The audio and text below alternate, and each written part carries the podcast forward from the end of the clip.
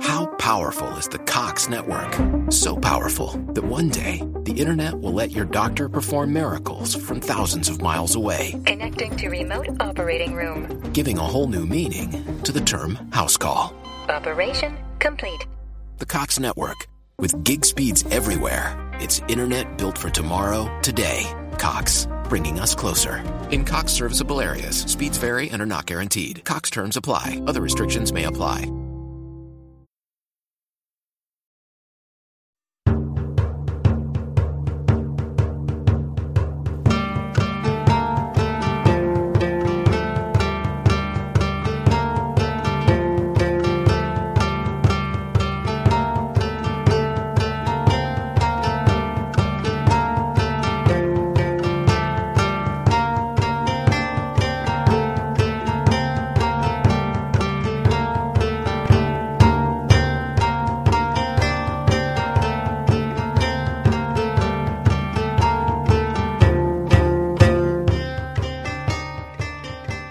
Välkommen till en ny vandring på gamla och nya stigar. Eller hellre, välkommen tillbaka. I förra avsnittet redogjorde vi om hur goter, vandaler, heruler och andra germanska folk tog Europa med storm genom sin framfart på 300, 400 och 500-talet efter Kristus. Varmed den västra delen av romarriket föll samman och ersattes av en, gäng- av en mängd germanska kungadömen. Idag ska vi följa upp de bravaderna genom att samtala om ännu en grupp germanska folk som faktiskt var mer framgångsrika än goter och vandaler. Angler, saxare och franker gick segrande ur hela den här perioden när de lade grunden för det anglosaxiska England och det frankiska Frankrike. Resten är som man brukar säga historia. I den omvälvande processen ska vi också beröra burgunder, langobarder, alemanner och tyringar. Och vi är, precis som i förra avsnittet, jag, Jalle Horn och konungen över det vidsträckta Huddingeriket, Temi.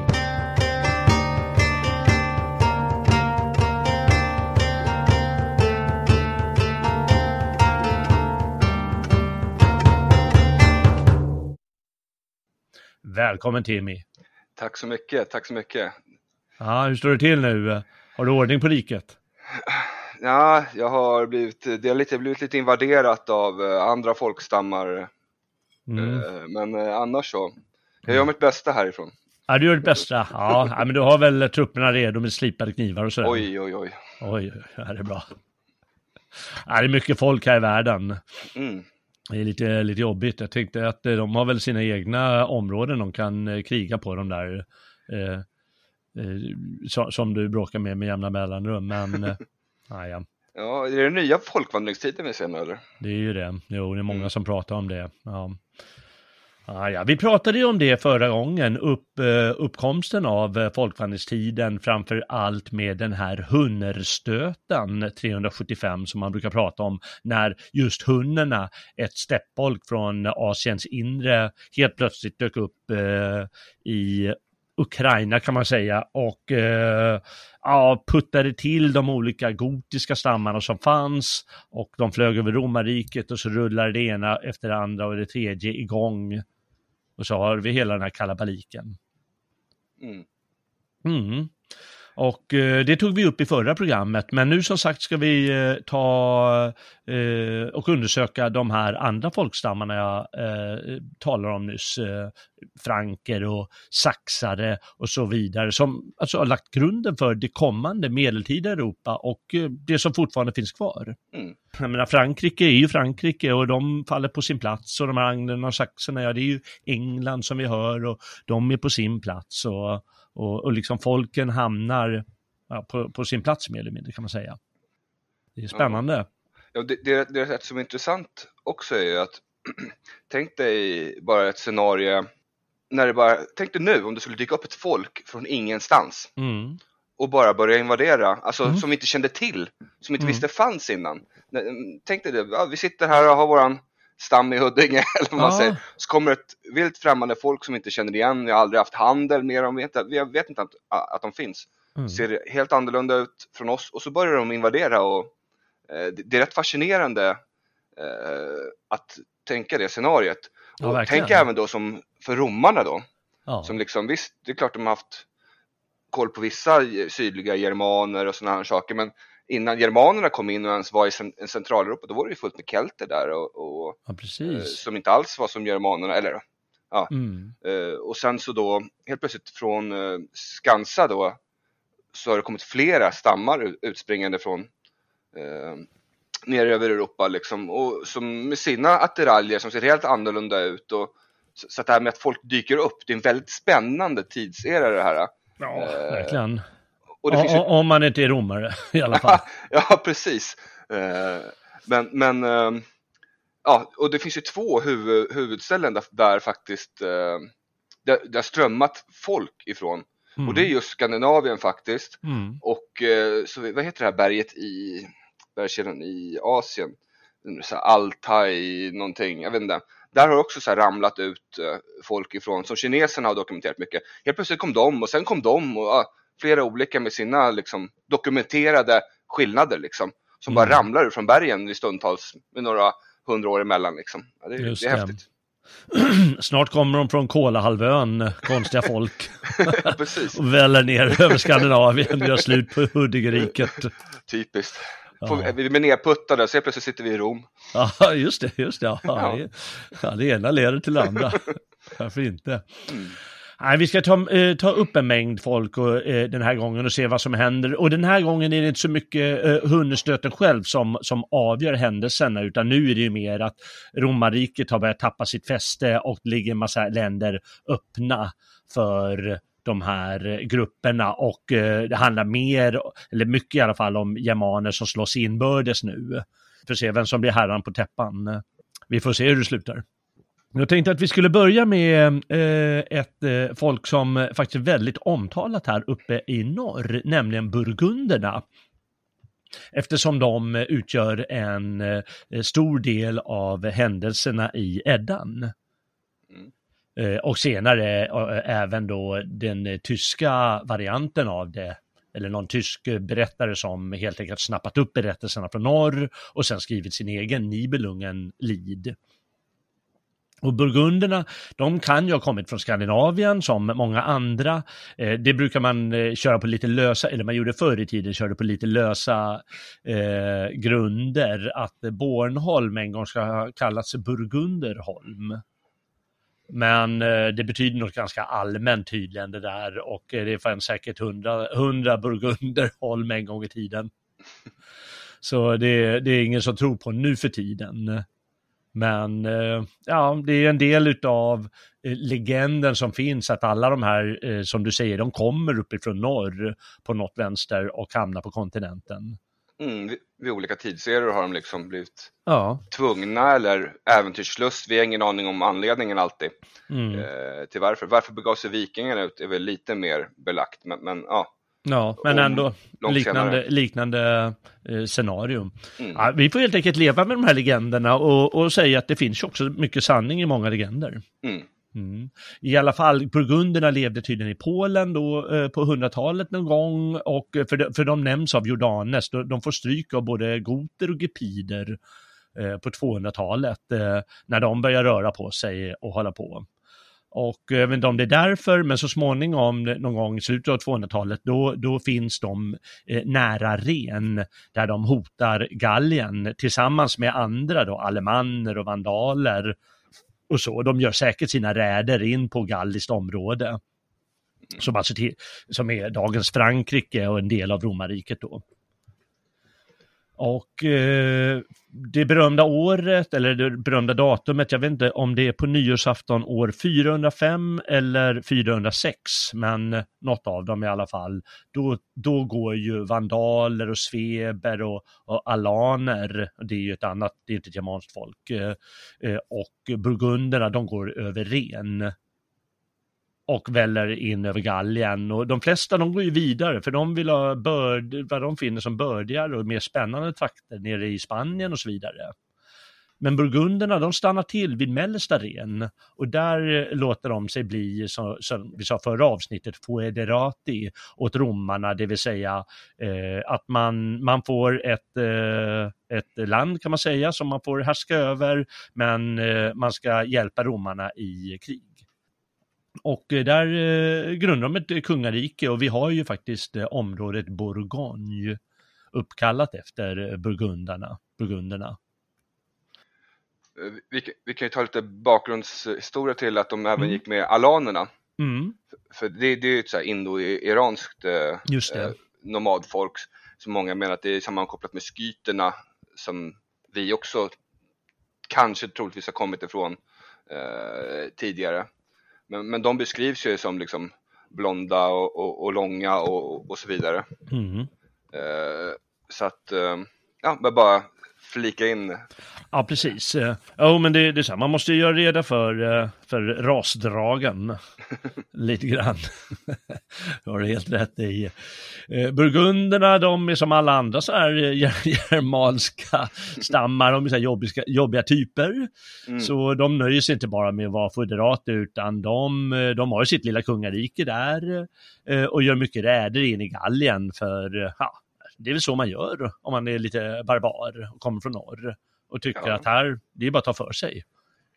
Det är ingen motstånd det här. Nej, och eh, då i alla fall den mäktigaste romerska generalen då, Aetius, eh, han, eh, han, ja men jag måste reda upp det här på något sätt, så han bussar hundarna på dem. Mm. Lite gemensamt, både romare och hunder. Mm. Just det. Och eh, hundarna de hade ju som sagt vält in där 375 och så småningom eh, skapat ett kungarike där i mellersta eh, Europa.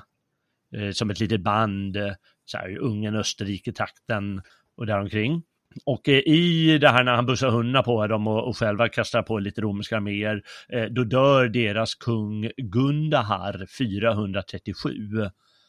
Och den, det namnet känner vi ju eh, då igen från Eddan och det är Eddans Gunnar. Eller Gunter i Nibelungen-sagan. Mm. Och man menar också att eh, händelser kring en annan germansk drottning som heter Brunhilda, och det ska vi ta när vi kommer till frankerna sen, har kanske vävts samman med de här berättelserna när eh, hunnerna eh, attackerar eh, Burgunderväldet.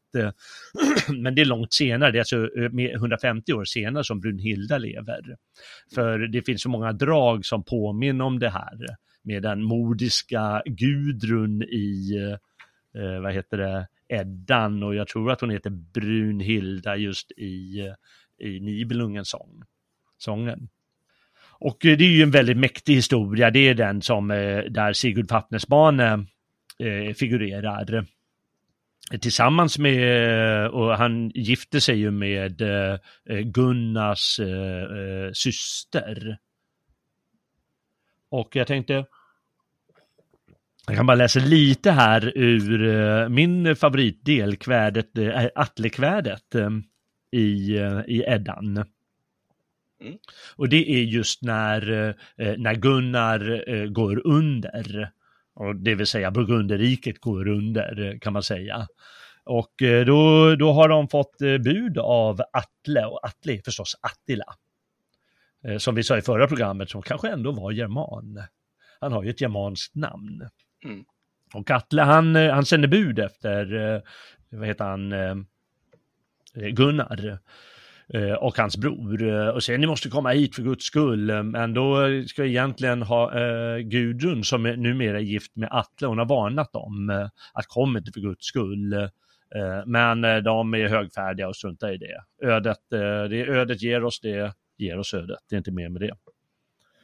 Och eh, då kommer de dit, Atles jord de sågo, ovan djupen vallar, Bickes män stå på borgen den höga, sal över söderfolk med sittplatser utstyrd med bundna bröstskydd och bleka sköldar. Med spjut och spetsar spridda voro vakter, Vin drack Atle i väldiga salen, att på Gunnars folk akta om det gåvor sig hit med vinande kastspjut att kriga mot fursten. Snart vassnade deras syster att i salen de kommo, båda hennes bröder ej, bryd, ej brydde henne ölet.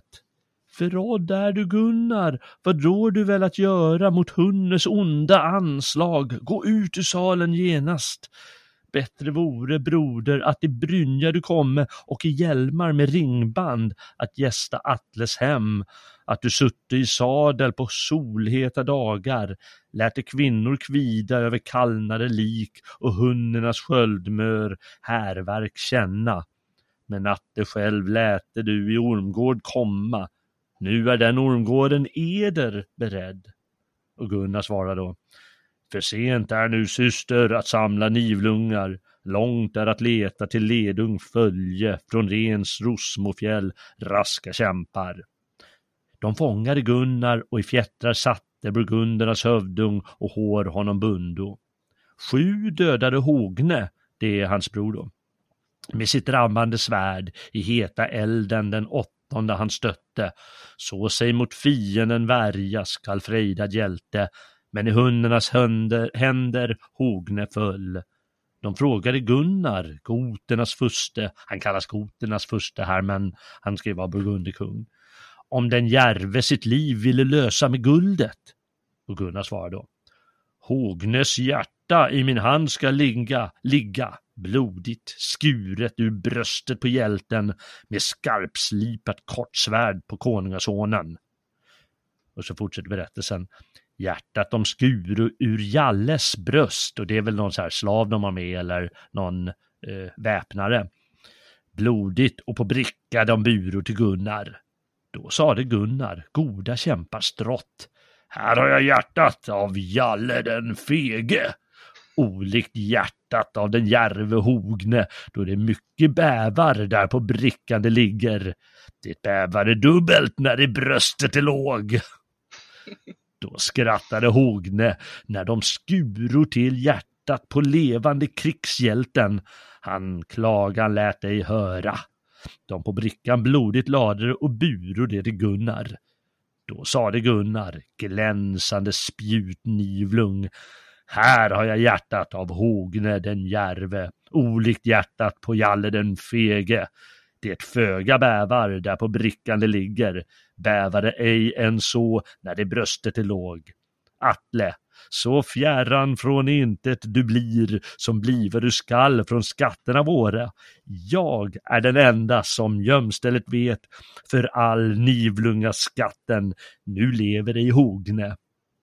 Och Hogne, han, han visste ju också var skatten var gömd.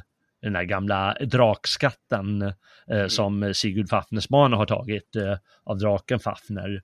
Mm. Och eh, Hogne visste det, men hans hjärta, han är ju död nu och nu är det bara, eh, vad heter han, eh, Gunnar som vet vad det är och han skrattar ju bara, gör vad ni vill. Och så kastar de honom i ormgropen. Ja, och sen så fortsätter ju berättelsen där eh, och då blir ju Gudrun, hon blir sur och hon mördar hennes och Atles barn och gör mat av dem och serverar Atle och sen så när han sitter och äter dem då så sätter hon eld på borgen så allting går under. Mm. Det är mm, rätt uh, hård kvinna. Ja, en hård kvinna den där eh, eh, Gudrun. Men hela den här sagan ska i alla fall, eh, mena många, eh, det, det, ska vara från eh, Burgunderrikets fall under mm. hunnerna då. Ja. Mm. Grejen var, de reste ju sen då och rätt så snabbt och började bygga ett nytt rike som ja. Som klarade Precis. sig ett tag till i alla fall. Ja, ett tag. Det var lite längre ner, det var inte vid Ren utan det mm. var vid Rån istället. Eh, Precis. Eh, bara några år senare och de kämpar på Roms sida vid de katalanska fälten som vi tog upp förra mm. gången, 451. Och eh, eh, de spelar en väldigt avgörande roll för Europas historia. Mm. Därigenom att eh, prinsessan Clotilda, hon, eh, hon äktar eh, år 493 den frankiska kungen Klodvig. Mm. Och hon har bestämt sig för att vara katolik. Ja, det var inte bara hon, det var väl eh, delar av, ja jo. Men, ja, det ja. kanske var fler, det var säkert flera alltså, det var inte bara hon, men ja, det var ju primärt så var det väl eliten där som hade lyckats bli Okej. romifierade och blivit katolska där. Men, ja. Ja, så var det säkert. Och eh, vi sa ju i förra programmet att de flesta germaner var arianer. De, Mm. de, eh, de tog till sig den del av kristendomen som eh, en eh, kyrkoman som hette Arius hade, ja, han hade sina idéer om hur, hur man skulle tolka kristendomen. Och Mm. det tillbad, eller eh, på det sättet var de flesta germaner som kom in i romarrikets område, så var de kristna, men, men inte hon och hennes eh, bröder och adelsklicken där i Burgunderriket. Där finns en rätt intressant historia kring eh, Klodvig och hans kristna. Det är inte bara så att hon bad han att bli katolik och han Nej. sa okej. Det Berätta. var ju några resor eh, kring det, men vi kanske ska ta det när vi är på Franken eller ska jag ramla in? Nej, ramla in, ta det nu. Ja, Det är ja. bäst. Eh, dels så hade ju de, eh, de hade ju försökt få barn till och från och, och eh, så fick de ju något dödfött barn och, och sådana här saker och, eh, och, och fram och tillbaks och sådana här saker. Så då började ju hon, ja men det är för att du inte är, är katolik och ja, Gud straffar oss och så vidare. Eh, men ja, han gav sig inte riktigt på en gång där. Ja. Men så helt plötsligt så stod ju då germaner mot germaner som det brukar vara. Han stod med sin här mot eh, ett gäng alamaner och höll på att bli krossad, totalt krossad. Mm. Eh, och då sa han, kollade han upp mot himlen, det här är vad de säger, kollade han upp mot himlen och sa så här, ja, ungefär, ordnar du det här och ger min här seger och låter dem få överleva och, och låter mina soldater få leva så då kommer jag att eh, övergå till den katolska tron. Och så på något sätt så vände sig eh, kriget och de segrade då över aleman, alemannerna. Eh, Mm. Mm. och, och därav eh, ja, så gick han över till den katolska tron liksom. Ja. Eh, så att, Ja. ja. Men som sagt, det var inte bara arianismen som var, det var vä- väldigt mycket hednisk tro också ja, bland, kvar- bland eh, eh, germaner överlag. Just så det. arianismen och den hedniska tron var väl den största delen av Mm. eh, germanernas tro. Ja, det var förstås väldigt blandat och Mm. eh, man hade uppenbarligen en ganska generös syn på hur, eh, hur man eh, var, var troende då. Mm. Det var inte som några hundra år senare när Karl den store tuktade saxarna till exempel. Nej. De var väldigt hårda. Men, men nu kunde man vara lite allt möjligt och, och, och byta sådär lättvindigt som du säger. Ja. Ja.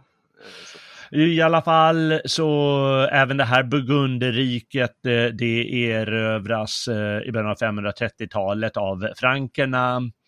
Eh, Men så småningom, några hundra år senare, skapas ett nytt burgundiskt rike.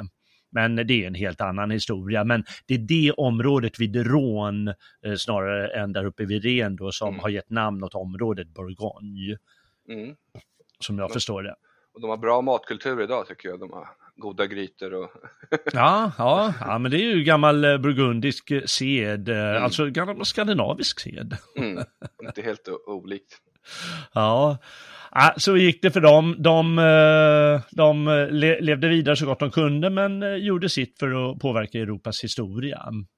Mm, det uppstod ju sen senare, jag tänkte säga i modern tid, men det stämmer ju inte. Men Mm. Burgund uppstod som hertigdöme under 1400-talet Mm. eh, och var, var rätt så i, eh, inflytande, men till slut fick de ju spö av det återigen växande Frankerriket Mm. och togs där bara en liten Ja. notis. ja, precis. Ja, de, de har gjort sina, de har kämpat hårt eh, genom Mm. historien mot alla möjliga folk. Men de var ju Mot- mot liksom många germanstammar och franker, ja, frankerna som också var germanstammar. Ja. De var liksom mittemellan det här äh, kultur... Eh, så de var uppstyckade liksom. Mm. Verkligen.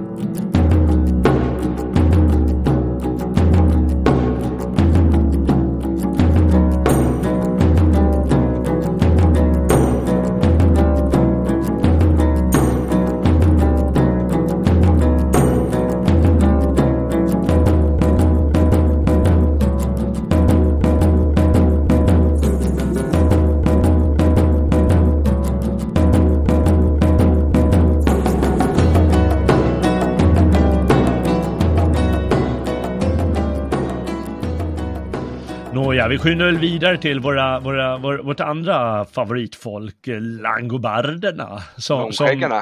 Långskäggan. ja.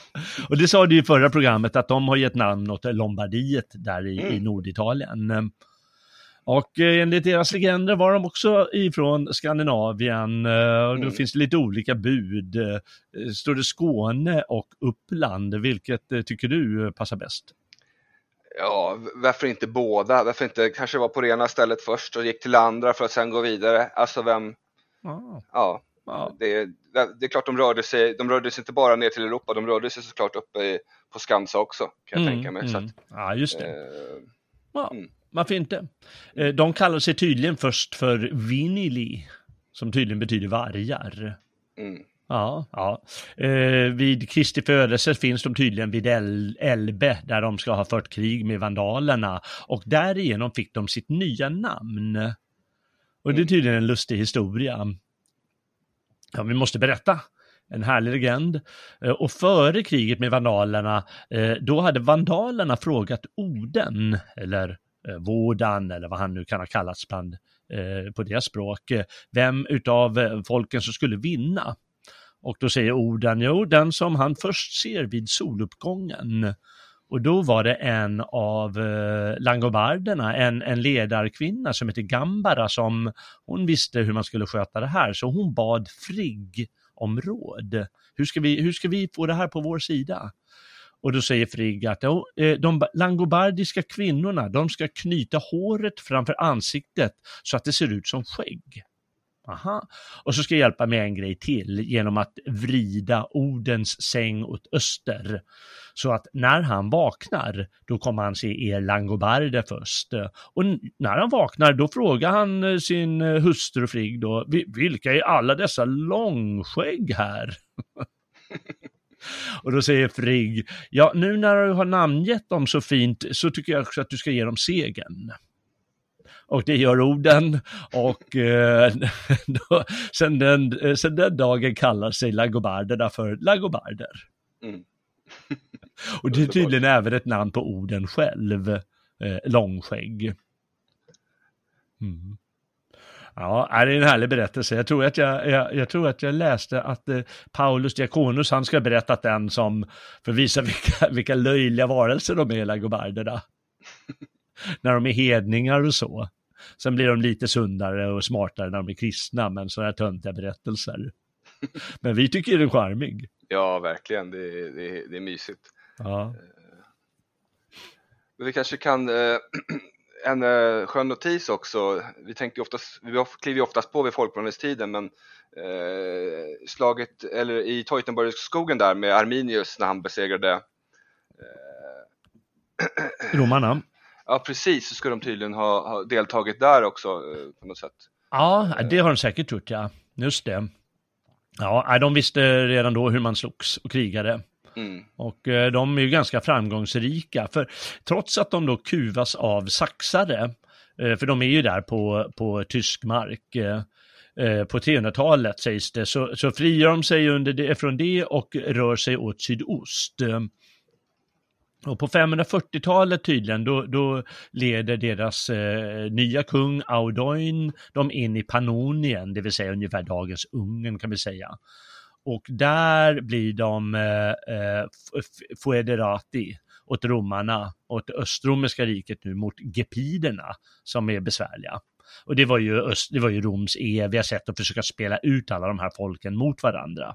Mm. Och eh, här, de kämpar med heruler och bulgarer, det är ett turkfolk på, här på den här tiden, eh, mot eh, ostrogoter, var med Östrom till slut kan inta Italien. Just det, som kämpar, eh, det, det är full kalabalik, alla kämpar mot alla. Mm. Och, eh, eh, ja, en gång till. Nej, jag bara höll med. Ja, ja och eh, eh, då ska den här Audoins son Alboin, som är den mest kända av alla langobarder, han, eh, han gav eh, med, med sitt folk, då, med sina krigare, gepiderna stryk 567 och dödade, som vi berättade i förra avsnittet, deras kung Kunnemund och äktar hans dotter Rosamunde. Och då hade vi det här att han senare vid något tillfälle eh, ger eh, henne eh, faderns huvudskål eh, att dricka ur och säger ta, ta en slurk med din fader. ja, Eh, och eh, de är lite oroliga ändå, eh, vad heter de, langobarderna för avarerna som, det, det är ett annat folk då, mm. jag tror det är något sorts steppfolk som ja, tränger in. Ural, äh, altaiskt ursprung, alltså ett nomadfolk. Mm. Och det är från de här uh, ural-altaiska bergen som jag snackade om. De har, ah, ja. Kineserna har redan där uh, på 400-talet uh, efter Kristus skri har de, skrivit, de har skrivit om dem, eller om dem under 400-talet. Så de mm. har sett dem och sen har de vandrat vidare och, och, och rört sig. Så att, det är de här ah, ja. två ställena i världen, Altaiska bergen där och eh, Skansa som det bara vann, nullar ut folk. Ja, de bara föds ur jorden. Ja, ja. Hur fantastiskt. Verkligen. Nåväl, eh, ja, de är lite oroliga för de här avarerna, för alla de där eh, steppfolken, de är så jäkla besvärliga. Mm. Så Alboin han för sina langobarder in i Italien 568 och för det är lite, han vet att där, där det, det, går att tränga in där, de är inte så starka. Det, det, Östrom har ju tagit tillbaka det av eh, ostrogoterna mm. som hade välde där. Men, eh, men nu är det svagt, tänker han. Och eh, han kom in där och grundade ett kungarike i norra Italien. Mm. Eh, han, men han, tog med han, sig eh, typ 20 000 saxar eller någonting och ja. några flera små stammar. Eh, så att de var inte helt själva. Nej, Nej, förstås. Som oftast är när vi pratar om dem så pratar man ju oftast om huvudstammen som alltid ja. har en del följeslagare från alla andra Just möjliga det. germaner och, ja, inte alltid det, bara germaner. Men, mm. ja, men det har du helt rätt i. Det är förstås flera stammar och eh, nu, många tror här att det, till skillnad från kanske visigoterna som folket kom så småningom, de kan ju inte gått flera hundratusen från Pannonien genom hela Italien, genom hela Sp Frankrike och ner till Spanien på några få år, hela folket.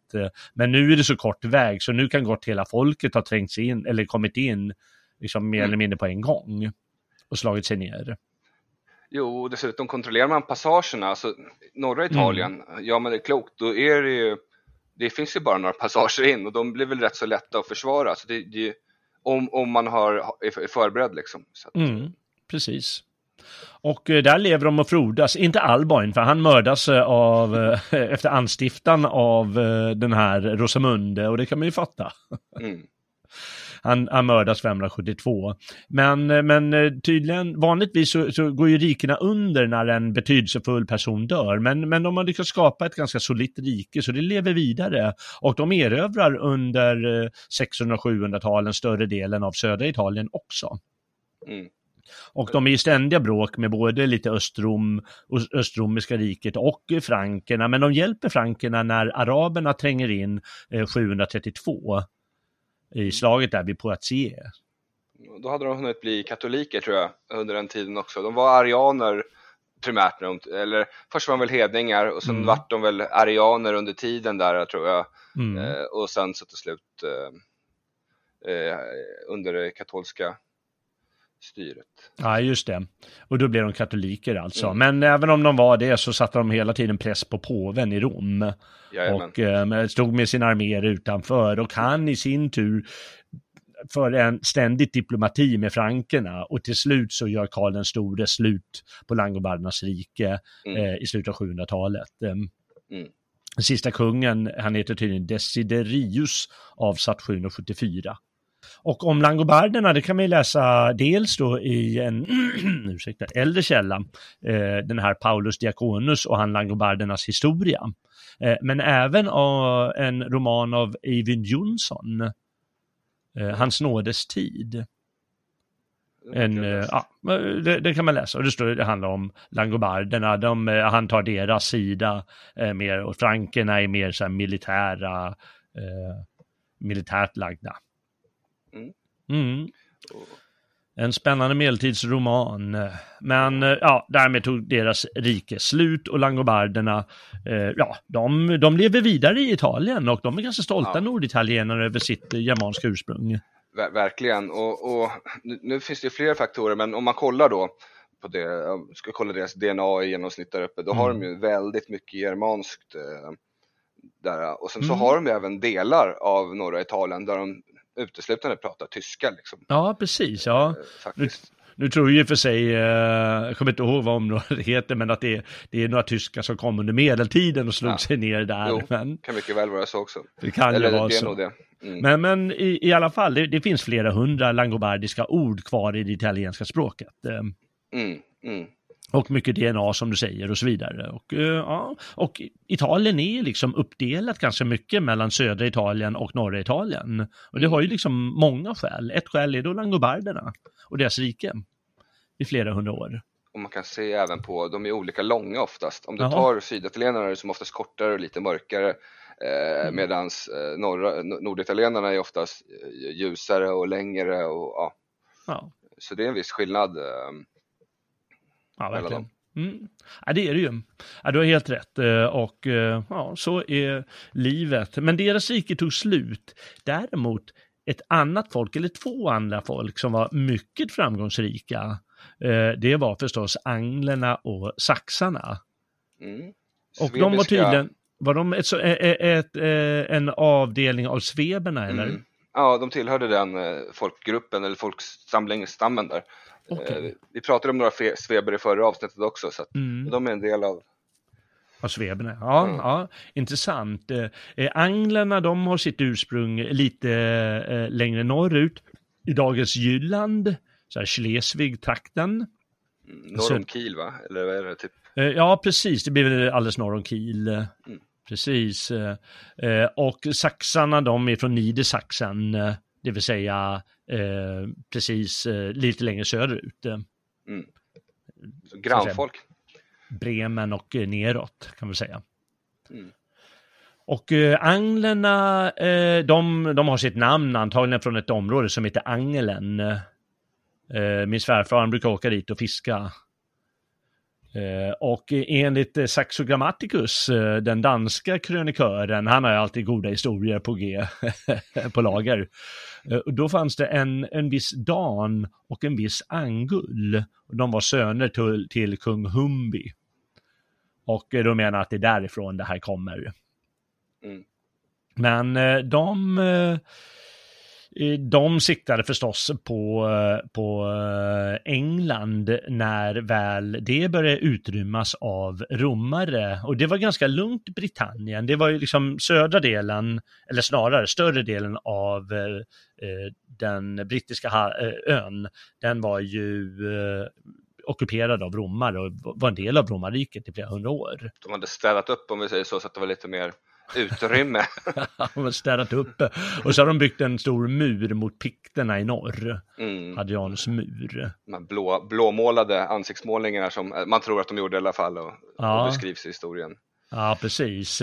Och så här saxar och pikter och, och även irer då från Irland. De gjorde Mm. räder ständigt, men de kunde alltid slås tillbaka av romarna. Eh, Men alla de här räderna, de ökar på 380-talet ganska mycket och det är väl för att romarna börjar dra tillbaka lite trupper som de behöver på kontinenten i och med hungerstöten och allt som händer. Mm.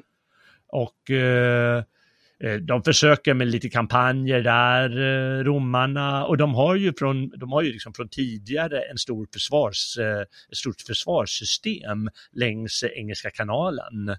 Mm. Har tydligen ett namn, Litora Saxonica. Mm. Och, eh, men, men i början av 400-talet, då drar de tillbaka alla trupper eh, för att försvara Gallien och Italien och, och Spanien och all, all, ja, allt det där, för det händer för mycket. Mm. Och eh, då ser de här brittromarna, eller vad man ska kalla dem för, det vill säga det är ju kelter och romar som lever sida vid sida under romerskt styre. Ja. Ja, som kanske blandats upp lite grann också till och från. Och, men ja, precis, det har de säkert inte alla gjort. men ja. Vad gör man i ett sånt läge när man eh, tycker att det är jobbigt med så här pikter och grejer? ja man, man ber om hjälp eh, tänkte jag säga. Ja, man ber om hjälp om att eh, klara skivan själv. Mm. Och då ber de ju förstås angler och saxare och även jutar, det vill säga ännu lite gyllänningar lite längre norrut, eh, Mm. om hjälp mot de här jobbiga blåmålade pikterna. Ja, ja, och vad gör, vad gör de här anglerna och saxarna och jutarna då efter eh, ett par årtionden? De tycker vi, vi kommer dit och, och hjälper och, och sen så tar vi över vårt folk. Ja, just det. Vi känner vi allt för väl här i Sverige nu för tiden, hur det Ja. går till. Tyvärr. Så att eh, de flyttar in och eh, primärt väl som soldater och hjälper till och håller, håller muren där som sakta men säkert egentligen, den underhålls ju inte den där muren. Nej. Det är ju romarna som har liksom mycket av kunskapen av att bygga den här typen av mur och, och underhålla dem. Så att, mm.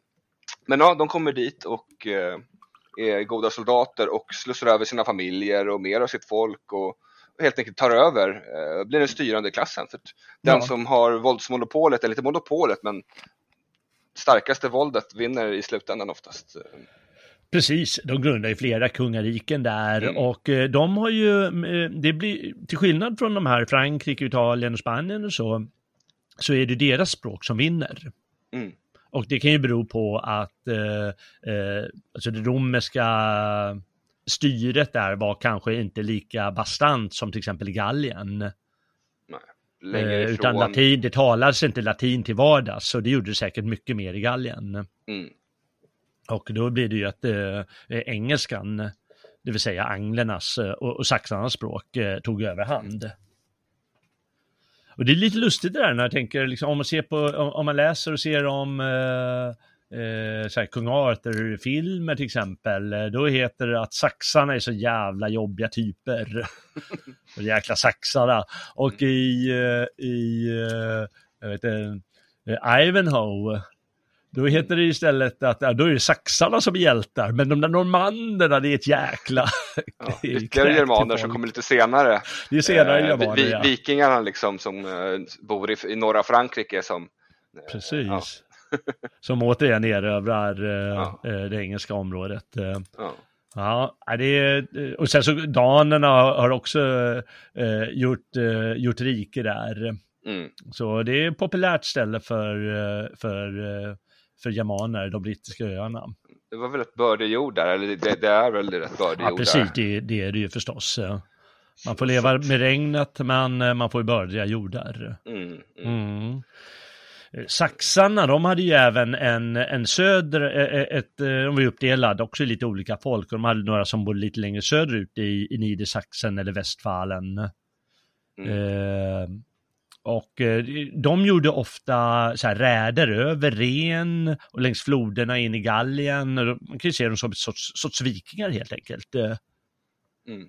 Eh, de flesta germaner som gjorde sådana räder. Och när väl det här försvaret av Ren gick under, eller förlorades liksom där 405, 406 eller vad det var, då, då eh, då, just det, då var det många, så här, det kom ju de här sveberna och vandalerna, burgunderna och då brukar man tänka att saxarna trycktes lite norrut. Eh, vissa, och då blev det tryck mot eh, brittiska öarna. Mm. Som alltså ska invaderas eh, i mitten av 400-talet på allvar. Mm. Mm. Eh, de levde vidare saxarna på, på kontinenten och det är ju inte det saxen som ligger i sydöstra Tyskland som är uppkallat efter dem utan det är ju Niedersachsen som ligger i det här området från, från eh, Bremen och, och söderut en bit. Eh, det är de som saxarna är uppkallade efter eller har sitt namn efter. Och mm. eh, det var ju väldigt stark grupp, eh, men eh, frankerna var ju, brukar jag säga tyvärr, ännu hårdare. De gör ju ständiga uppror mot frankerna på, från slutet av 400-talet eller 500-talet eh, och vägrade framför allt låta sig kristnas. Mm. Och det var ju känt område, det var ju, det var ju känt bland alla germanstammar och de hade ju sin stora man vet ju inte om det var ett träd eller som en totempåle vid namn Irminsul. Mm. I någon av skogarna där, de djupa germanska skogarna. Men Karl den store, han, eh, han tog, tog tag med det där, det mest krigiska av alla franker. I slutet av 1700-talet då tuktade han om dem fullständigt i de saxiska krigen, men det pågick i 30 år. Eh, och då var det mycket massakrar och det var tvångskristnande och man förstörde det här Irminsul och andra platser. Mm, han har ett charmigt smeknamn, Karl eh, Saxarslaktaren eller något liknande har han som. Ja, mm. precis. Ja, det finns ju vissa teorier om att eh, vikingarna, de såg vad som hände där med saxarna Och det var därför de var så här offensiva och eh, gick ut och, och stötte till istället för att låta dem liksom komma norrut hela tiden. Mm. Att det var som ett försvarskrig, vikingaräderna. Ja, bästa försvar är ett gott anfall liksom. Mm. Ja, kan man ha många teorier om givetvis, men, men det är intressant tycker jag. Mm, tillbaks lite till eh, deras dyrkan och sånt där. Mm. De, eh, eftersom både angler, som vi snackade till om, och saxare var ju sveber och visst de slogs inbördes också till och från men de hade ju ändå en, så här, en gemensam ö också Mm. eh, där de hade en helgedom på eh, vigd åt en, eh, en gudinna som de kallades för Nerthus som, Mm. eh, som kommer ifrån eh, namnet Njord då. Mm. För Nerthus var ju för dem någon germansk moder och fruktbarhetsgudinna liksom. Mm. Eh, och, och Njord eh, är ju en av vanorna i, eh, i eh, Asa och, och vaner-mytologin liksom. Som var havets, vädrets, rikedomens, handelns, sjöfartens och fiskets gud liksom. Ja, ja. Eh, fast det, det, det var ju en han liksom, så att ja, det måste varit, det, det blir ju lite så här när, när inte en religion är nedskriven prick på, på papper som en bibel Mm. så kan ju saker eh, vandra emellan liksom. Ja, precis. Eh, Mm. Jo, det är så de går tillväga, eh, religionsforskarna, att de får studera hur de här har ändrats och, och så, de här namnen och, och gudarna och, och så. Det är ju väldigt spännande. Det är synd att det inte finns mer bevarat, det är väldigt sorgligt. Mm. Ja. Ehm, det var något mer jag tänkte på där, men eh, det kanske kommer tillbaka eller något sånt. Men det, saxarna gick, ju- gick under då, eh, får man säga, men eh, de blev väl hertigar och så vidare. Men Mm. stora delar av landet in, inkorporerades i Frankrike helt enkelt, eh, Mm. som breddes ut sig då över tyskt område. Ja, Frankrike, det, är ja, det, det har vi framöver, eh, men det blir enormt Mm, det blir ju enormt. För eh, vi, vi kan nämna bara i det här samhället att på, i det här området där de lever, fast längre vid kusten, där lever ju även friserna. Ett Mm. annat germanskt folk. Eh, eh, och det vet vi att de, de, de finns i dagens eh, Nederländerna fortfarande. Och det Mm. talas frisiska och de var väldigt eh, måna om sin frihet, som holländarna alltid har varit. Eh, Mm. och, och kämpade för det. Eh, även där försökte frankerna då liksom banka dem och, och de brände ner eh, deras eh, heliga trän och liknande. Eh, men de höll sig någorlunda fria, friserna. Det finns en spännande film som heter Redbad. Ja. Som handlar om eh, frisernas krig med, med frankerna. De har ju även en del öar och hyggligt försvarsmöjlighet på något sätt och floder som går där på ett hyggligt Mm. bra sätt och, Mm. försvara sig. Och när vi ändå pratade kultur, jag tror att om jag minns det rätt, var det länge sedan jag läste Röda Orm, men så jag för mig att han också var förbi Frisian en snabbis på någon, jag vet inte vad det var, någon handelsresa eller något liknande. Eller Mm. de mellanlandade där. Så att det var ett väldigt rikt område liksom. Det var det. De ville gärna bli, de, folk ville gärna plundra det. Ja, det ville de. Därför, därför ja. var de väldigt försvar, försvarsdugliga för att Ja, behålla ja verkligen. Mm. Eh, Och eh, det, det nämns i Beowulf och, och kanske fler nordiska källor att eh, flera nordbor var nere och förde krig med, med frisen också. Mm. För det, det var så skönt att åka dit och plund, försöka plundra lite eller få, få liksom en bra match. Mm. Ja, ja herregud. Äventyrens tid.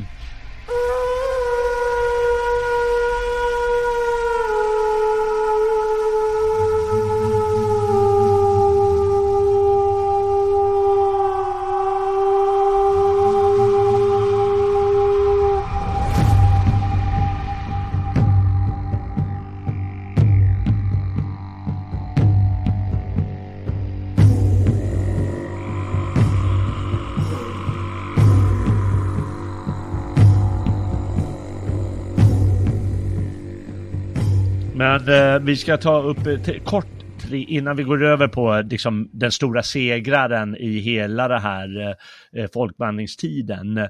Så tre eh, andra tyska folk eh, som eh, ungefär går samma eh, öde till mötes.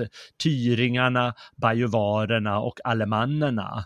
Och skälet till att vi eh, ändå nämner dem eh, är att de förstås har gett upphov till namn och, och, och så som fortfarande används. Va? Tyringarna till Tyringen och bajuvarerna till bajrarna till Bayern. Mm. Och alemannerna, det, det är både eh, en dialekt, en tysk dialekt eh, och det är ju för övrigt eh, det franska namnet på Tyskland, Allemagne. Mm.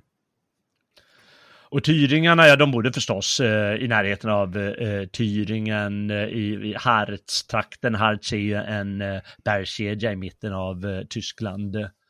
Eh, och eh, de skapar tydligen ett rike när Attila dör, precis som andra germanska folk gör. Och eh, där i mellersta Tyskland, och det är mäktigast i hela det germanska området då. De andra germanska stammarna, de bildar ju eh, eh, stora kungariken nere i Italien och Spanien och, och, så vidare. Men de har det mäktigaste riket i själva Germanien. Mm. Mm. Eh, men eh, de, de kan inte stå emot eh, frankerna. De gör säkert olika räder in i det, för det är ju rikare där i, i Gall, gamla Gallien. Eh, och eh, då då, gör, då, då kuvas de helt enkelt av frankerna, revolterar på 1600-talet och gör sig fria, men kuvas sen igen. Och eh, ja, gick deras rike också under så småningom. Hårda bud att möta franker. Ja, alltså nu har ju, man, man tror ju lätt att frankerna, det var bara franker, alltså, men nu hade ju Mm. frankerna kuvat under sig en hel del andra förbundsförvanter som de hade med sig liksom också. Men visst, eh, det är inte lätt att hålla upp en eh, allians, men de eh, klarar det en stund Ja, det gjorde de. tills deras eh, tronföljdsordning som de hade gjordes, det splittrade sig, vart lite svårstyrt. Ja, De delar ju upp liksom arvet eh, vid varje konungs död mellan sönerna. ja precis. Precis. eh, Så ska de försöka ena det igen på något sätt, slå ut sin broder eller någonting. Och, ja. Ja. Eh, Men det var, alltså förhållandena då mellan folken och rikena var att det hela tiden fanns eh, förbindelser.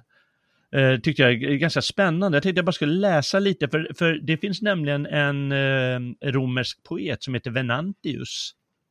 Mm. Senromersk, när romarriket självt har gått under, men han skrev på latin i alla fall. Eh, och han har skrivit en dikt som heter Om tyringarnas undergång. Och precis innan det tänkte jag skulle läsa ett litet stycke här. Om, så man får liksom en inblick i den världen. Då står det nämligen att Radegunda var dotter av tyringarnas konung Bertarius. Sedan denne röjts ur vägen genom sin broder Hermenefred växte hon och hennes broder upp i broderns palats. Radegunda nödgades i sin barndom i början av 530-talet uppleva Tyringens undergång då det anfölls av franker och saxare under ledning av den frankiske konungen Theoderik, hans bror Klotar och hans son Theodebert. Tyringarna besegrades i grund. Undan blodbadet lyckades kung Hermenefred och drottning Amalaberga med sina barn rädda sig genom flykten. Eh, men Radegunda och hennes bror fördes bort i fångenskap hos frankerna och Radegunda måste finna sig i att bliva den frankiske konungen Klotars den förstes gemål. Eh, hennes broder blev på anstiftan av Klotar på svekfullt sätt mördad. Hennes äktenskap med konungen kom i realiteten att upphöra då hon av biskop eh, Medardus lät viga, viga sig till nunna och då slog hon sig ner på Atsier. Men Radegunda hade en kusin vid namn Amalafred, son av hennes farbror Hermenefred, som efter flykten lockats i försåt och blivit mördad. Amalafred hade med sin moders Amalaberga och sina systrar lyckats fly till Langobarderna och senare av Belisarius, eh, den östromerska eh, generalen tillsammans med den tillfångatagna östgotiska konungen Vitiges förts till Konstantinopel, där han blivit officer i kejsarens tjänst. Då Radegunda hyste en varm önskan att komma i förbindelse med sin kvarvarande frände skrev Fortunatus i hennes namn den vackra dikten om tyringarnas undergång. Och den ska jag inte läsa, läsa här, eh, den är lite lång och så, men jag tycker de här förbindelserna som, som alla riken har då, det, vi tänker att det här är ju en gammal tid och det, ja, det fanns ju inga sådana förbindelser, liksom, hur ska de anordna det? Men det var liksom kontakter hela tiden. Mm, mm. Man hade ju ting och grejer också. Och, ja. Ja. Ja, så det, det är liksom även, det, det är ingen mörk medeltid bara, utan det är liksom, ja, rikena har kontakter med varandra och hela tiden, eh, eh, ja, personerna gifter sig till höger och vänster och sen är de lite hårda. Ja, jag, jag mördar ditt folk här och så gifter jag med dig. Jo, jo, eh, men ja, det var ju en annan människosyn, helt klart. Men, ja. men vadå?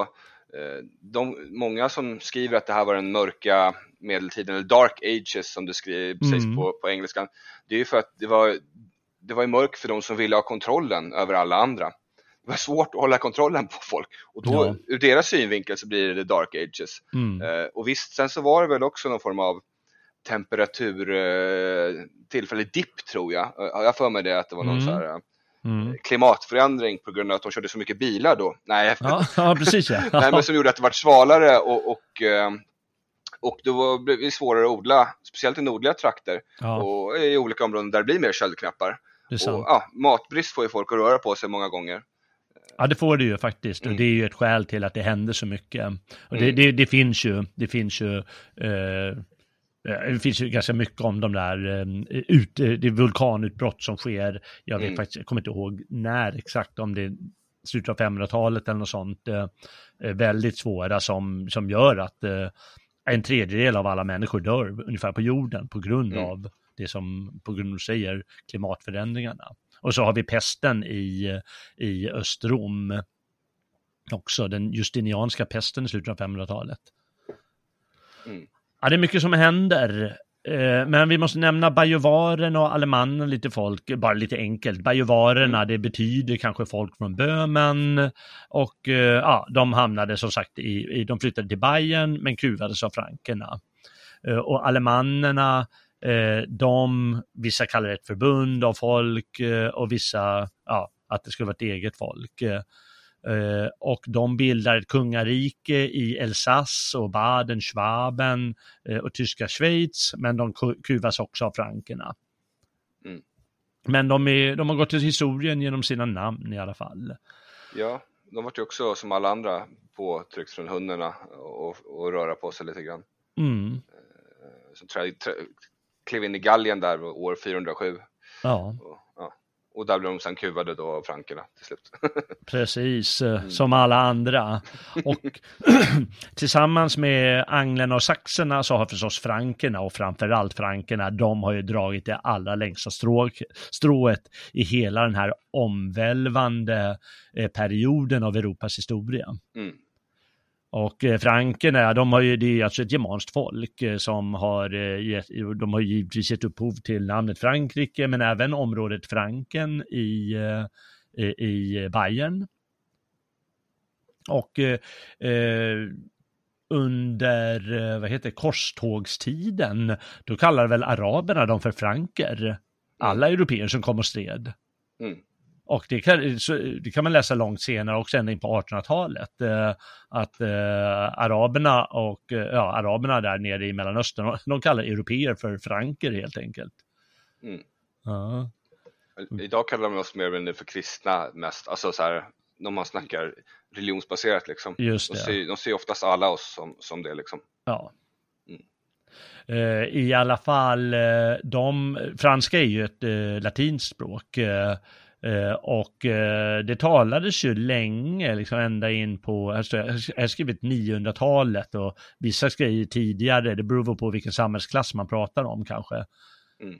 Men att sen är det sen ända in på 1300-talet att det finns, funnits de som talat frankiska, det germanska språket. Eh, men de var så pass mycket färre eller om det fanns så många som det här vulgärlatinet som man kallar det för, det vill säga det folkliga latinet som pratades i Gallien, som inte mm. var samma rena som talades nere i Rom, utan Nej. uppblandats med keltisk eh, språk och så vidare.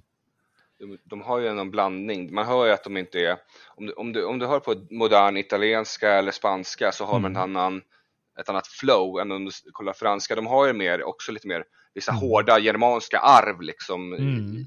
när de pratar, det är lite mer det står till lite grann ibland. Eh, eh, speciellt vissa dialekter utav modern franska. Liksom. Mm, okay. ja, jag kan ju inte franska. Men, Nej, inte men... jag heller. Jag bara hör. men, men hör du inte skillnaden på flytet på italienska mm. kontra fra, eh, modern franska? Liksom? Att ja. det, det, mm, det, är mer som en uh, rinnande vatten italienska. Det rullar fram lite mjukare mm, mm. uh, om man jämför med franska. Ja, men det är säkert så.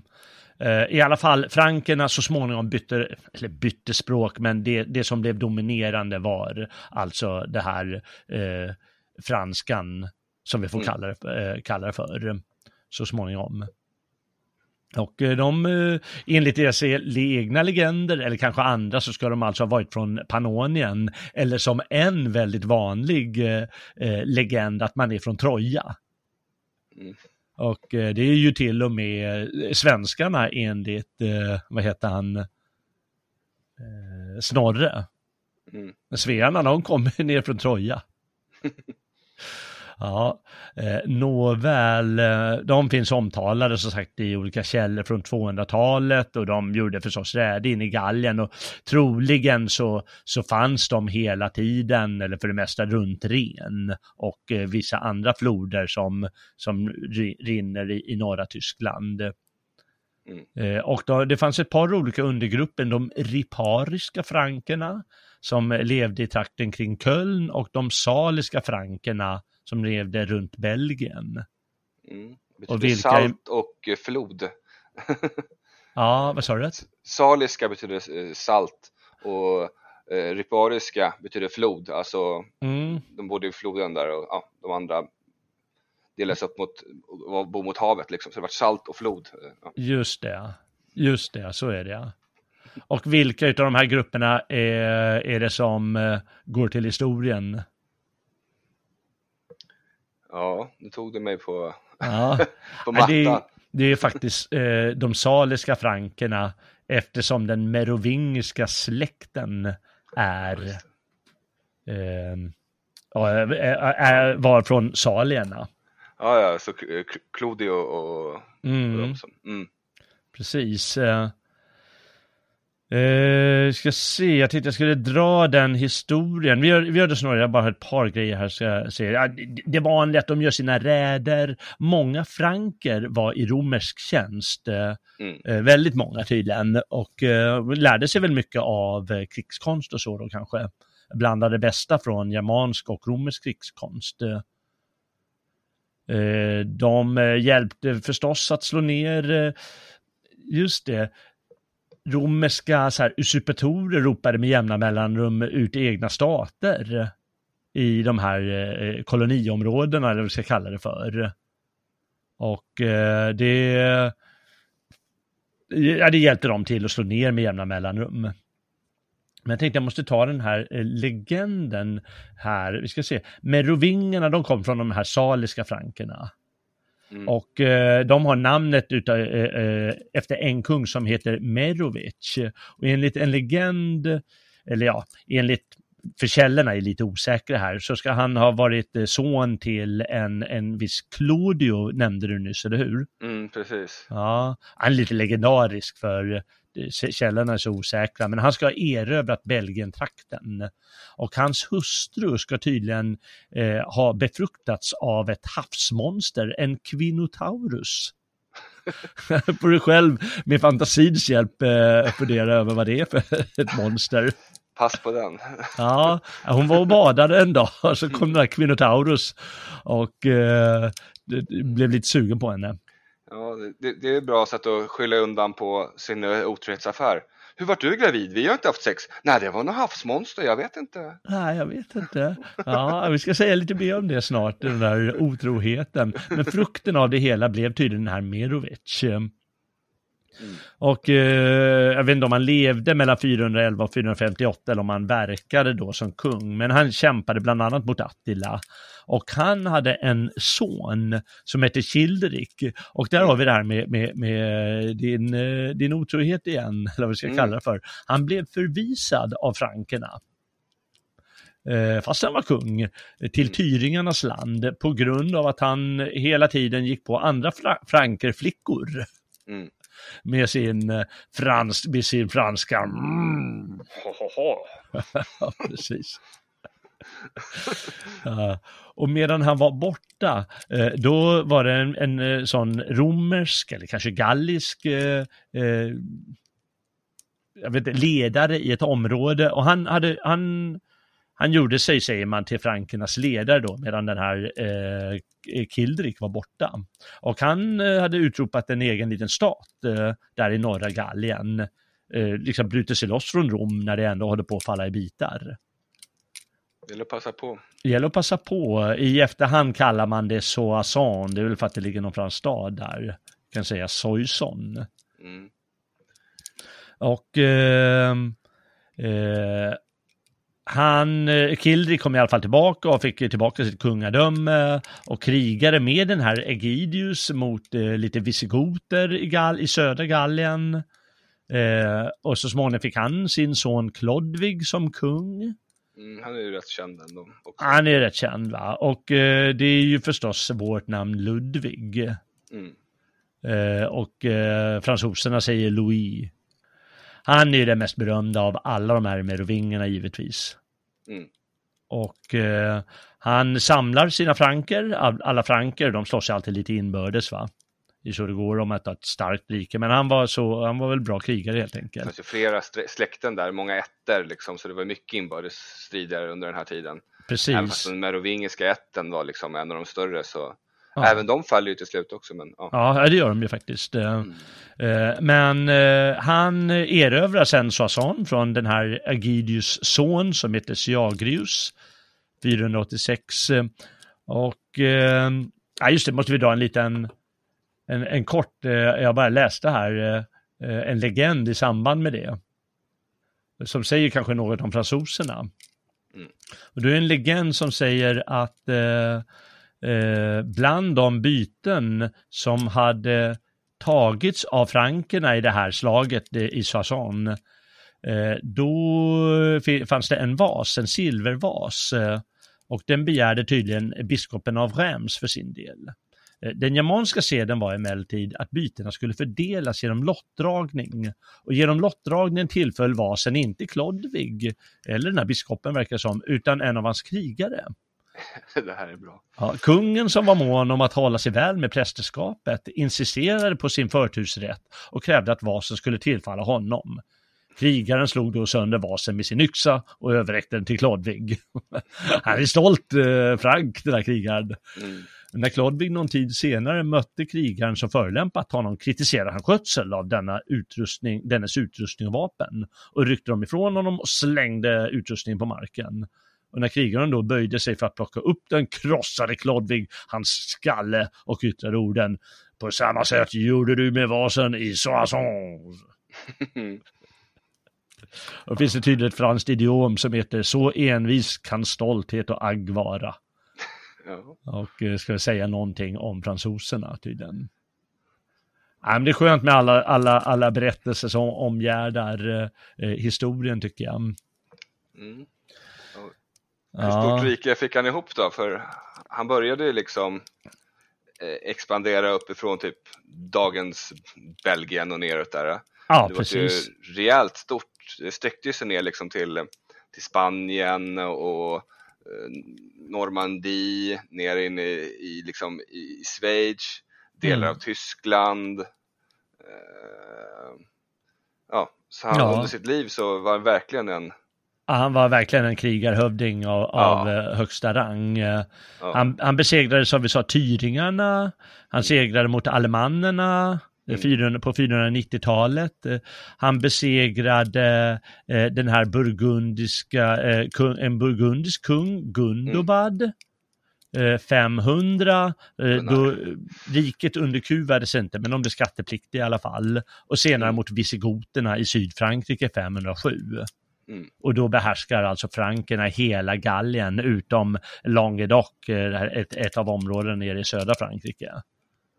Ja, och jag vet inte hur de låg till med, vet du det, eh, vet du Britann eller vad heter det då? Ja, kanske inte Bretagne heller nej. Mm, men ja, För där bo- bodde det lite kelter som inte gav upp. nej, de lät sig inte underkuvas. Eh, nej, nej de, de var hårda, eh, hårdare än frankerna, otroligt. Ja, Han antar i alla fall katolicismen sa vi 496 eh, precis. och då blev det ju lite lättare att ha att göra med dels allierade som Östrom och, och, och dels med de folk man erövrar. Det vill säga alltså galler och romare, de var ju alla eh, katoliker, får vi kalla det för. Mm. Det var lite, lite lättare. Och eh, han dog ju sen strax efter det, 511, och då i germansk, gammal germansk, enligt gammal germansk sed så, så måste riket delas mellan sönerna. Han hade fyra söner.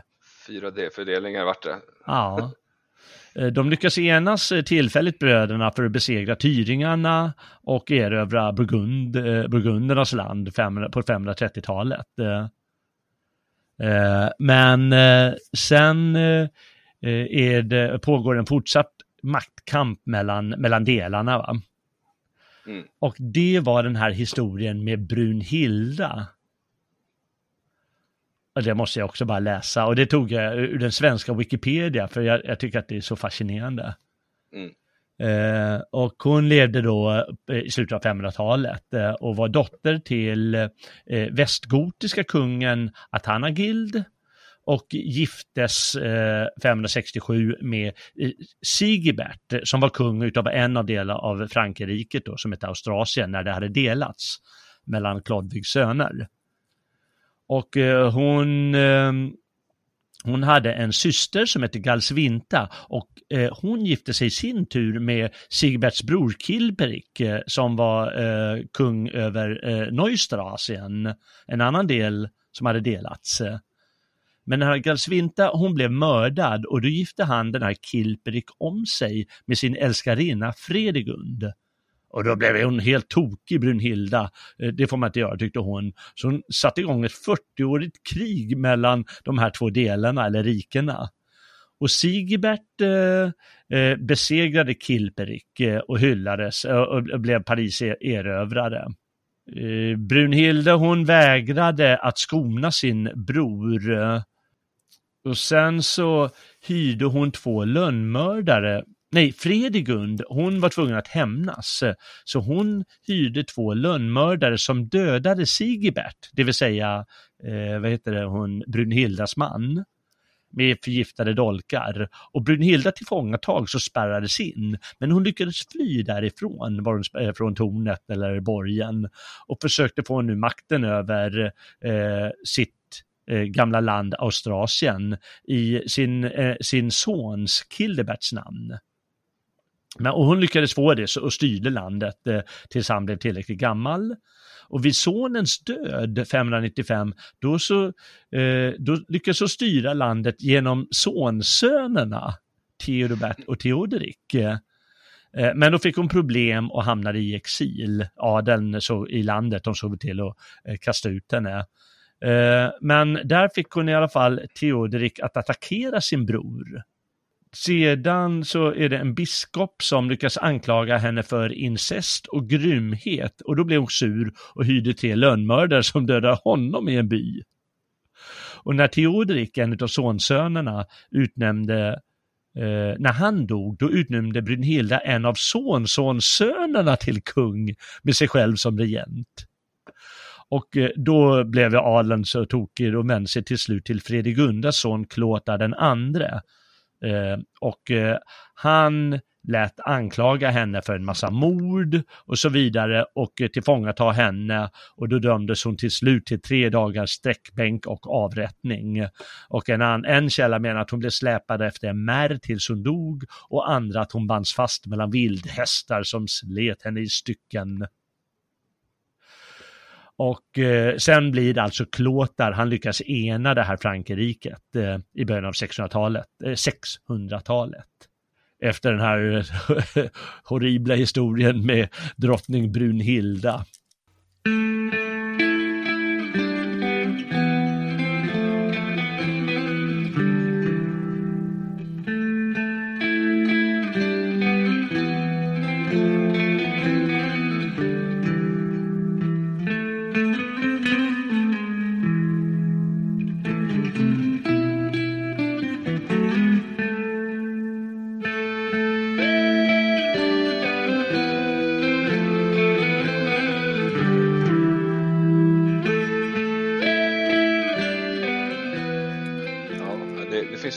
Intressanta saker som växer ur det här riket. Eh, nu kanske vi vandrar utanför folkvandringstiden men eh, vi hade ju morerna där, eh, eller umayyaderna som expanderade upp där Mm. i Spanien. Mm. Och det är det här släktet vi har pratat om nu av frankrika ledare som, ja, får lite avvägar så, men eh, Pippin av eh, Mm. han var någon rikshållare för, för Frankrike. Eh, och han, han fick ju något, eh, något skarv, skarvbarn eh, som hette eh, med, med en älskarinna som hette Karl Martell eller Karl Hammaren kanske. Mm. Och han är ju också rätt känd i historien. Eh, Det var ju han som började reconquistan av eh, Ibirien, av Spanien liksom. Mm. Just det. Och, Som vann slaget vid Poitiers. ja precis. Och han tillhör ju inte merovingernas släkt utan... Ja, ja han, han har blodsband dit faktiskt, via, fast via en, eh, han var en eh, oäkting till en utav dem. Så att han är ingen, han är ingen arvsrätt egentligen per se, men ja. Ah, ja, Han blod men han har dem. lite blodsband, ja. Mm, ja. mm. Men, men hörde inte till eh, härskarskiktet, eller vad man ska kalla Nej. det för. Men härskare blev de. Mm, Eh, för som du sa, Pippin den lille sen, mm. Karl Martells son, han avsätter slutligen eh, merovingekungen eftersom de här nya karolingerna som de kallas för, karolingersläkten, de har ju den egentliga makten genom att de är, eh, ja de styr riket mer eller mindre. De var ju krigarna, alltså. Ja. Precis. Och det sker 751 eh, och därefter Karl den store blir ju ännu större än Klodvig och så vidare och erövrar langobardernas rike, kuvar saxarna och eh, gör Frankrike till ja, eh, Europas eh, absolut största rike då. Det är liksom större delen av Tyskland och det är Frankrike och det är lite Pyrenéerna och det är norra Italien och Schweiz och Österrike. delar av södra Italien också, alltså det, det är större delen av Italien. Det enda som är kvar är, tänk den här stöveln som man tänker att Italien är, det enda Ja. som är kvar där nere är typ klacken och, och där foten är liksom. Ja, Så att, Ja. Och han utropar sen till kejsare år 800 mm, vid ett berömt tillfälle.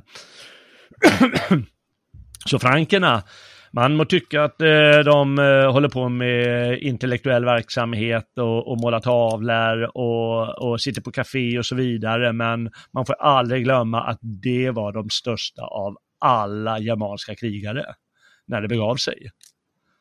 Jo, sen så ofta som det var på den här tiden så läser man ju om det, den härskande klassen.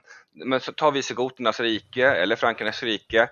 Det var ju de som bestämde där, men de som bodde där innan bodde ju faktiskt där och till slut blir det med tiden en, en sammansmältning liksom.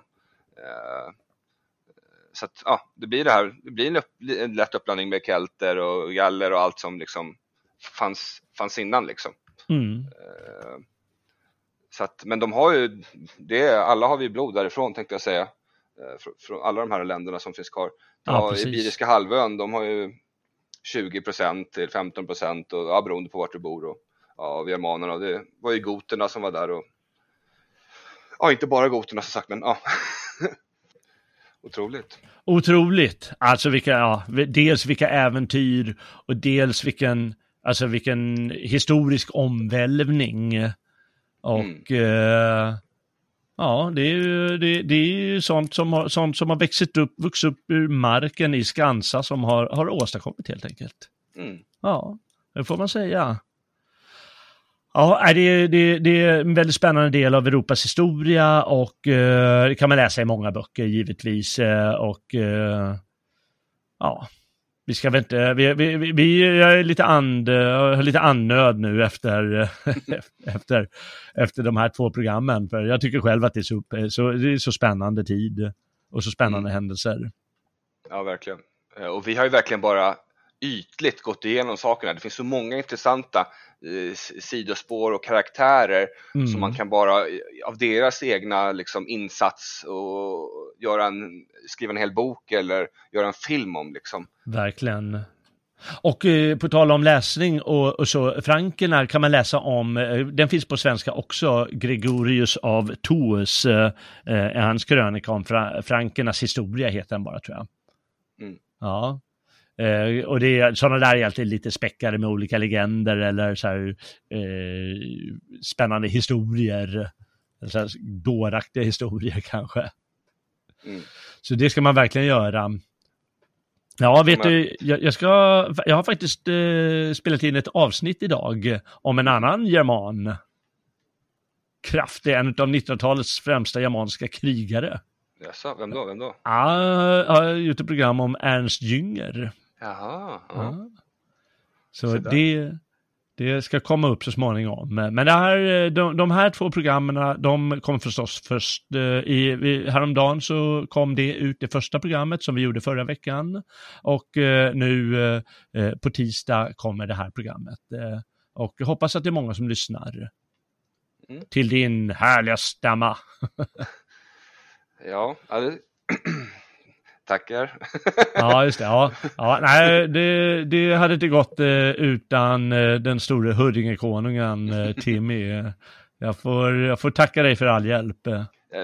Det är bara trevligt att vara med och ja, vi- vill vi kanske göra en djupdykning i, i de här mystiska bergen och alla folk som har spottats ut där. Så nu har vi ju tagit en del germaner, men det finns ju även andra intressanta steppfolk som eh, har ramlat ut från Asien och även flera ifrån eh, bergen uppe i Skansa så är det bara att säga till så får vi se vad vi Ja, kan ställa till med. Ja, det måste vi göra. Vi pratade om att eh, kanske göra ett om eh, Tacitus Germania, Mm, bland annat. Eh. Ja, mm. det finns mycket att hämta som du säger och det ska vi definitivt eh, planera in eh, ett sånt avsnitt. Eh, Det finns många germanska äventyr att ägna sig åt. Oh ja, Ja. Men tack i alla fall Timmy för den här gången. detsamma. Eh, tack också du som har lyssnat och vandrat med på gamla germanska stigar. stigar. Nästa avsnitt ska som sagt eh, handla om eh, Ernst Jünger, eh, krigare och eh, skriftställare, fast långt senare från 1900-talet. Eh, det är med Lennart Svensson. Det tycker jag definitivt att man ska lyssna på. Glöm heller inte att du kan stödja Svegots arbete genom en stödprenumeration eller donation. Gå då in på svegot.se och klicka dig fram där för att se hur du kan ge ditt bidrag till stacken. Det är frivilligt, men stödprenumeranter åtnjuter särskilda bonuspoddar som privilegium för sitt stöd. Stort tack till alla er stödprenumeranter. Och på svegot.se där kan du också se alla våra radioprogram och artiklar och eh, lyssna på de flesta. Eh, inte bonuspoddarna förstås om du inte är stödprenumerant. Men du kan också hjälpa vår verksamhet genom att sprida våra program. Ingen svensk borde ju vara utan kunskaper om de här stora äventyren som jag och Timmy har berättat om i två avsnitt. Och eh, försök eh, som sagt att sprida de eh, avsnitten.